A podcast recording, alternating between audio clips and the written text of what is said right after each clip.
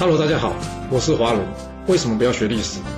因为学历史会让你了解到顶层阶级的思考方式，成为他们的竞争者，所以他不希望你去学。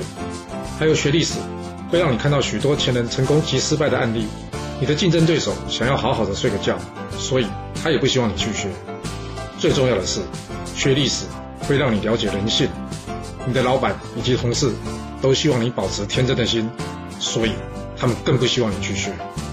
就是因为这些原因，接下来我要跟你说的是故事，而不是历史。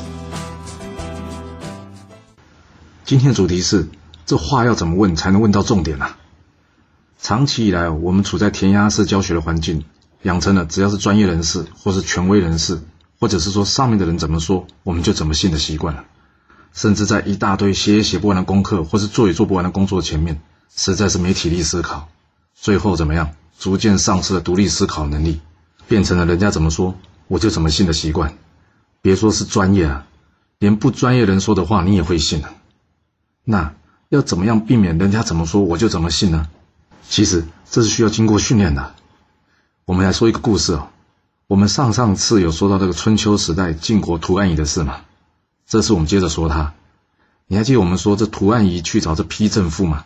他一见到丕正父啊，马上下跪说：“请丕正父救他。”接着，这丕正父问他：“哎，到底什么事啊？”突然一说：“啊，这主公杀了李克，现在要杀我啊！”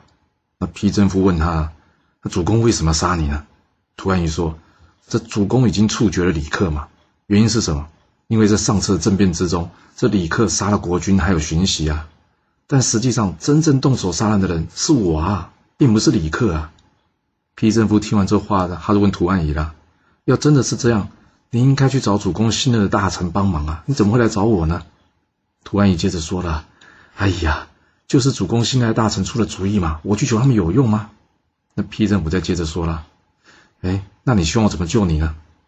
涂安仪说：“这主公啊，背信忘义，他呢不像重耳是个贤人之人，我想啊，你可以找一些大臣们呢，秘密的联名来推举这重耳。”在于我亲自将这信呢送给重耳，到时候重耳率领军队攻打回这晋国，我们来做内应，就不怕这晋国攻不下来了。一旦晋国攻下来之后，不要说这些背信忘义的小人了，连这主公啊，我们都不要放过他。丕正夫一听这话，问啊：“你这话可是认真的？”屠安仪说：“哎呀，怎么不是认真的？你要是不相信的话，我可以发誓。”于是他咬破手指，对天发誓。他说：“若是我今天说的不是真的。”要我全家族都灭亡，你听出来了吗？这批正父虽然聪明哦，但是复仇的心已经蒙蔽他了。他想要多找几个帮手，一起推翻他的主公夷吾啊，所以对图安仪的话呢，完全没有防备。要是有机会把这时空重置回到当时，换做你是批正父，你要怎么知道这看似单纯的图安仪是真的想要帮你忙，还是他另有用心呢？你要怎么问他话呢？其实，在问话之前呢，脑袋中要先想一下，千万不要用自己的经验或是自己的角度出发来去思考。你应该先假设自己就是对方，并且从人事、实地、物这几个角度出发来去思考。从人的角度来看吧，涂安仪是个单纯的人，若不是有人跟他通报，那他的消息是怎么打听来的？这会打听八卦或是消息的人，通常不是单纯的人哦。所以这批正复制才要先问涂安仪啊，你这话从哪里听来的？要是涂安仪的答案是从别人那里听来的，那就要看这个人跟涂安仪的关系是怎么样了。要是涂安仪的答案是说他是打听来的，那批正复是不是应该很小心？因为这个人呢，表面上看起来很单纯，实际上并不单纯呢。那接着从四个角度来看吧，涂安仪不过是一个初级的官员呢，连这大臣李克都被处决了，若是主公真的要杀他。根本就是杀只蚂蚁嘛，为什么不立刻动手，还让他有时间可以求救？这件事不觉得怪吗？再从时间角度来看吧，这事情攸关生死啊！一个单纯的人有办法忍得住，在这门外一直等，从晚上站到深夜吗？要是真的是个直爽的人，早就一直这边敲门了。突然有这么做吗？没有哎，你不觉得这事情怪怪的吗？那至于物跟地。这两个部分呢，这里面有特别要判断的材料。对任何事情呢，保持谨慎或是怀疑的态度是非常重要的。若是当初批政府在他脑袋中呢，有先闪过对方可能是骗他的念头，我相信他也能很快察觉出上面的问题了。接着他要问涂安仪的问题，应该不是你说这句话是不是认真的？有谁会说自己说出的话是假的呢？至于发誓吗？其实这个东西你千万别信，因为你要知道，有很多人他根本不相信神明啊，甚至不相信因果。那这种人发誓就像吃面包一样，随便就可以来两个了，你还真的相信他发誓吗？所以啊，不要因为你自己很在意自己的誓言呢，就认为别人一定也很在乎。没有这种事的，每个人道德观是不一样的。你要从他的角度，或者说他平常的日常作为去看他。